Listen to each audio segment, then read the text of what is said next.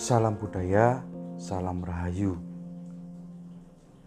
Kembali lagi bersama saya Mas Heru Nugroho di channel Heru Nugroho Official. Tidak lupa juga saya menyapa para pendengar seluruh Indonesia untuk selalu dalam keadaan sehat, eh, rezeki berlimpah, yang penting semuanya sehat walafiat. Karena kesehatan ini sangat mahal harganya. Dan tidak lupa juga untuk selalu bahagia. Baik, di sesi podcast yang keenam ini saya akan memba membacakan tentang biodata dari dalang yang sangat fenomenal di kala itu yaitu biodata dari almarhum Kitimbul Hadi Prayitno. Biodata ini saya bacakan dan saya ambil di beberapa sumber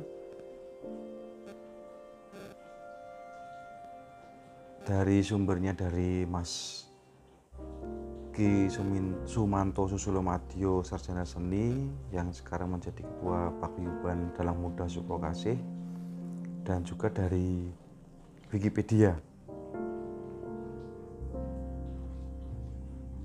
Berikut penuturan dari penulis tentang biodata Kitimbul Hati Prayitno.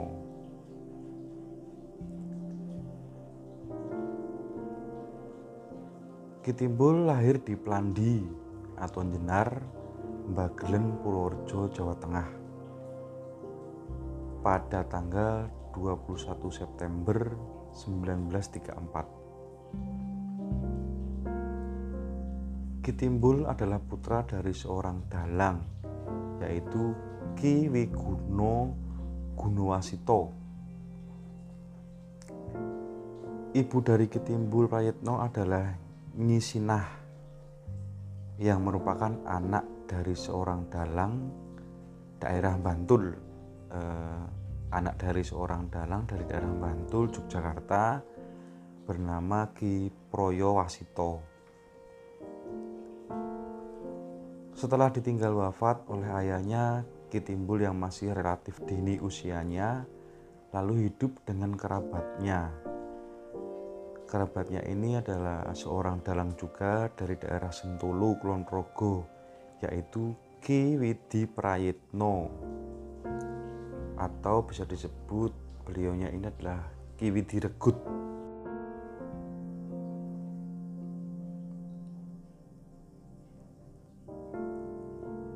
Ketika hidup menumpang di kediaman Kiti Prayetno inilah Kitimbul pertama kali mendapat pengetahuan awal ilmu pedalangan dan cara membuat wayang kulit. Dikarenakan suatu hal, Kitimbul lalu meninggalkan Sentulu, Kulon Progo dan mengikuti kakak perempuannya yang bernama Nyi Sariem. Bersama Nyi Sariem, Kitimbul selalu diajak untuk mengamen menggunakan instrumen gamelan gender barung. Setelah zaman kemerdekaan, Kitimbul mengikuti kakak iparnya yaitu Ki Widitupar. Di tempat itulah Kitimbul mendapat pematangan dalam cara menatah dan menyungging wayang. Pada usia 16 tahun, Kitimbul berguru kepada Ki Atemo Parjan untuk mendalami tari Jowo atau beksan pedalangan. Jadi beliau Ki Atemo Parjan ini adalah guru Kitimbulati Praitno dalam hal olah tari Jawa atau bisa dibilang beksan pedalangan. Pengembaraan Kitimbul berlanjut dengan mengikuti atau menumpang hidup kepada seorang petani kaya di daerah Kali Abu yang mempunyai koleksi gamelan dan wayang bernama Mbah Iro. Ki Timbul hidup di kediaman Mbah Iro hingga menginjak masa dewasa. Pada tahun 1950-an, Ki Timbul mengikuti Ki Dalang Cermosidi atau paman dari garis keturunan ibu dari Sanden Bantul. Di tempat inilah Ki Timbul mendapat kesempatan untuk mendalang di waktu siang hari. Ki Timbul mulai mengasah kemampuannya dalam belajar mendalang di sela-sela waktu tidak mendalang. Ki Timbul membuat wayang hingga genap satu kotak wayang. Perjalanan Kitimbul dilanjutkan dengan mengikuti seorang petani kaya di daerah Pundong Bantul bernama Mangku Darsono. Pada sekitar tahun 1953 atas perkenan Mangku Darsono, Kitimbul diangkat sebagai anak. Selama tinggal di Pundong inilah Ki Timbul mulai sering mendapat undangan pentas wayang kulit di malam hari. Ki Timbul melengkapi nama tenarnya menjadi Ki Timbul Hadi Prayitno. Untuk menambah pengetahuannya tentang lakon wayang, teknis mendalang, dan ilmu pedalangan yang lain, Ki Timbul Hadi Prayitno berguru kepada Ki Adi Saryo Ki Saryo adalah darang, dalang dari daerah Jodok, Bantul dan terhitung masih saudaranya. Ki Timbulati Prayatno juga mengikuti kursus mendalang di Keraton Yogyakarta yaitu Habirando.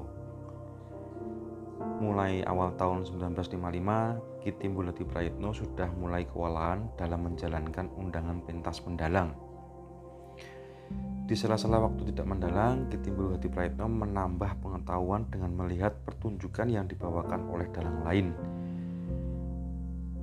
Seantara lain Ki Cermo Parjan dari Mantuk Bantul, Ki Cermo Bancak dari Kadipiro Bantul, Ki Hadi Kasemo, Ki Gondo Margono, Soro Genen Sleman, dan lain sebagainya.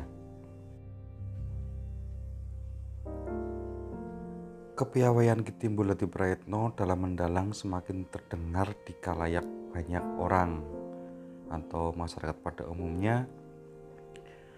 Terus pada tahun 1966 Kitimbul Hadi Prayetno pertama kali diundang untuk pentas wayang kulit di Kagungan Dalem Gedong Sasono Inggil Dwi Abad Keraton Yogyakarta. Pementasan itu disiarkan langsung oleh RRI Nusantara II Yogyakarta. Semenjak peristiwa itulah nama Kitimbul Hadi Prayitno semakin terkenal sampai di luar wilayah Yogyakarta.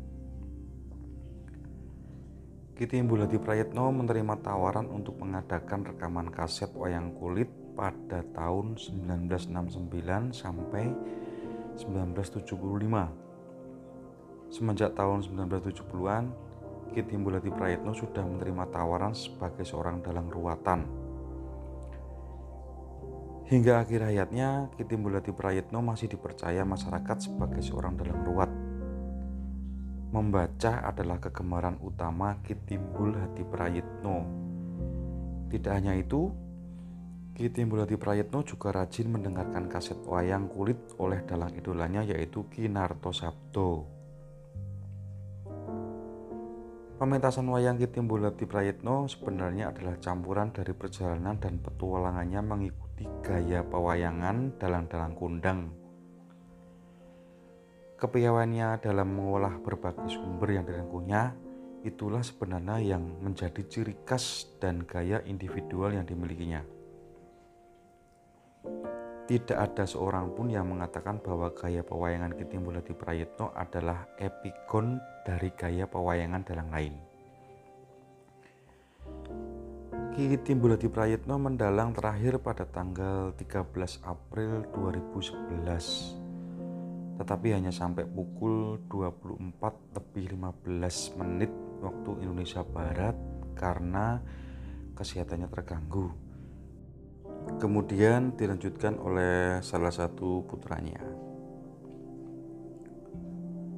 Kiti Buladi Prayetno wafat pada hari Selasa Pon tanggal 10 Mei 2011 di rumah Panjang Jiwo, Patalan, Jedis Bantul, Yogyakarta.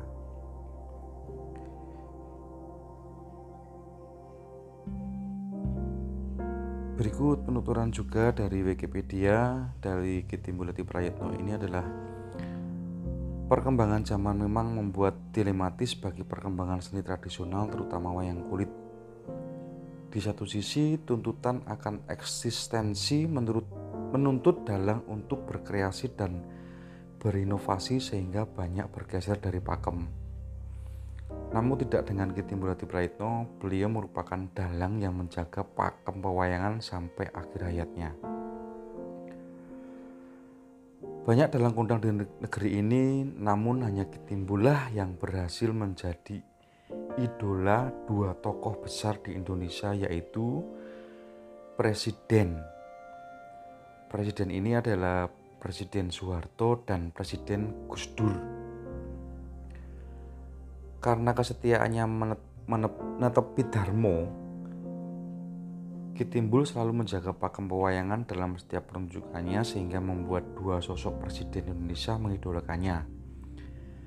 Dan karena kesetiaannya menjadi pakem, inilah maka beliau dijuluki juga sebagai dalang ruatan. Kembali ke karier Kitimbul di Prayitno sebagai abdi dalam di Keraton Jogja. Mulai sowan bekti mulai sekitar tahun 1969 di Keraton Ngayogyakarta.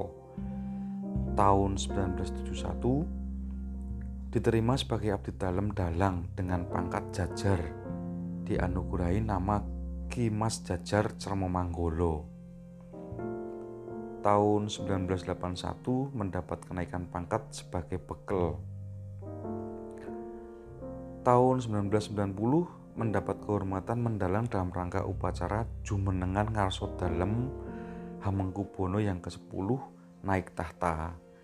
Sehingga Ki Timbulati Prayitno dianugerahi pangkat istimewa dengan gelar Mas Wedono Pangirit Cermo Manggolo. Ki Timbulati Prayitno adalah satu-satunya abdi dalam yang tidak melalui jenjang kepangkatan lurah. Sehingga dari pangkat bekel baru langsung pangkat Wedono. Tahun 2000 Ki Timbulwati Prayitno mendapat kenaikan pangkat sebagai Mas Rio Cermo Manggolo. Pada tahun 2005 beliau mendapat kehormatan mendalang di Kagungan dalam Bangsal Kencono, Keraton Jogja.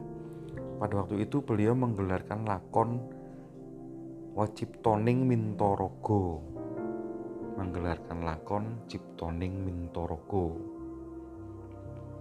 Pada tahun 2006 mendapat kenaikan pangkat sebagai Ki Kanjeng Mas Tumenggung Cermo Manggolo. Berikut para pendengar yang baik dan budiman di seluruh Indonesia tentang pemikiran Ki Timbul Hadi Prayitno tentang wayang kulit. Begini penuturannya, bahwa seni pedalangan dengan seluk beluknya adalah warisan nilai leluhur budaya leluhur Jawa sehingga perlu dijaga kelestarian dan perkembangannya. Semua itu demi kebaikan budi pekerti dan etika berbangsa dan bernegara. Perkembangan wayang membawa konsekuensi perubahan, baik teknis maupun fisik maka sebagai dalang tidak boleh terbawa arus, tetapi harus mengikuti arus perubahan yang terjadi. Uh, di sini dibahas uh, ungkapan Jowone itu kenongeli neng ojo keli. Seorang dalang tidak boleh berpuas diri dan harus tetap belajar demi meningkatkan kualitas pakliran dan wawasannya. Dalang tidak boleh fanatik dengan gaya pedalangan di luar gaya pedalangan yang digelutinya. Dalang yang baik tidak boleh neko-neko, harus berlaku apa adanya. Berikut juga akan dibahas dan di uh, saya ceritakan juga tentang riwayat pernikahan Ki Timbulati Prayetno.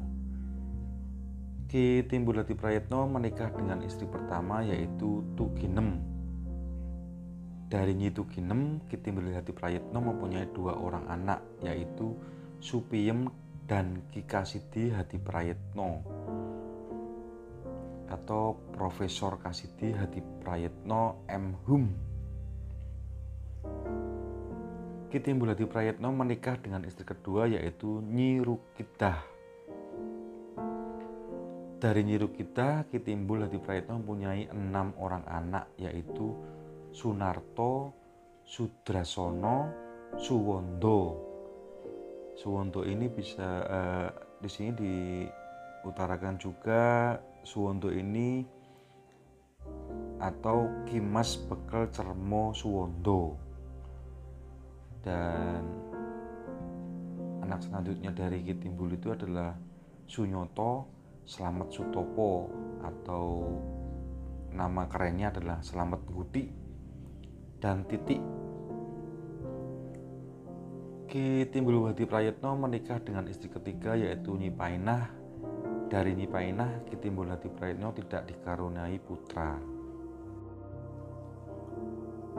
Berikut saya akan membahas tentang sosok Ki Timbulwati Prayetno ini uh, sumbernya dari Wikipedia, Wikipedia Indonesia. Dan setelah saya baca ini, sangat penting untuk dipahami dan dimengerti oleh uh, khususnya untuk dalang-dalang muda yang sedang mencari jati diri dan sedang dalam pendidikan.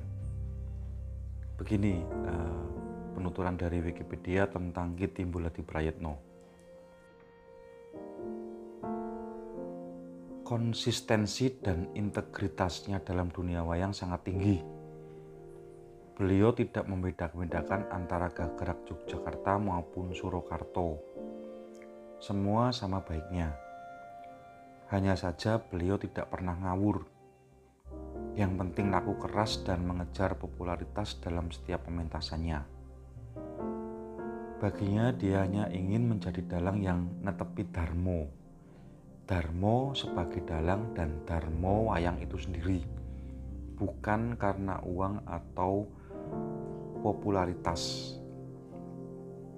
Meskipun banyak penghargaan yang sudah beliau peroleh semasa hidupnya bahkan beliau merupakan salah satu dalang langganan yang sering diundang ke istana negara waktu itu tapi hidupnya tetap sederhana Kesetiaannya pada profesinya sangat luar biasa.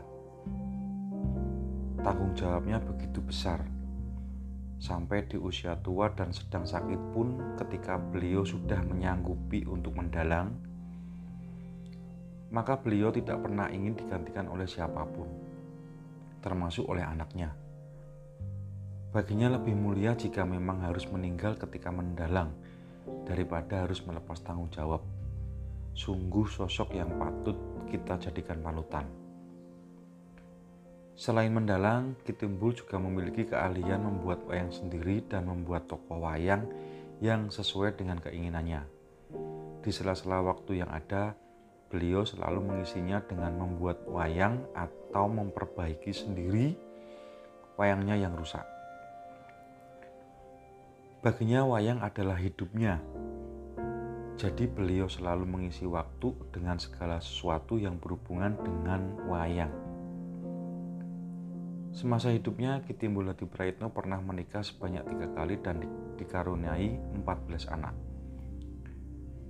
Beliau meninggal dan dimakamkan di Patalan Cedis Bantul, Yogyakarta pada tanggal 10 Mei 2011 lalu.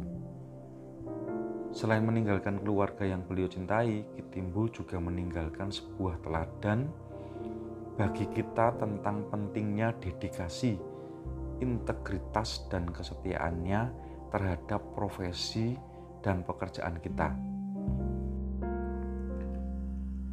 Semoga tenang di surga, wayangmu akan selalu menggema di bumi Nusantara. Ki Timbul Hati Prayitno. Baik, uh, terima kasih para pendengar podcastnya Mas Heru Nugroho di channelnya Heru Nugroho Official yang sudah setia untuk mendengarkan biografi-biografi dalang-dalang senior-senior yang mungkin menjadi sebuah inspirasi dan wawasan tersendiri. Dan mungkin sebuah memori tentang sosok dalang yang fenomenal Ki Timbul Hadi Prayitno dan tidak lupa juga atas nama pribadi saya Mas Heru Nugroho di channelnya Heru Nugroho Official Mohon maaf jika ada kata-kata yang kurang berkenan di hati para pendengar. Ojo lali mendengarkan podcast Mas Heru sambil ngopi jos masih. Oke, terima kasih. Salam budaya, salam rahayu. Matur nuwun.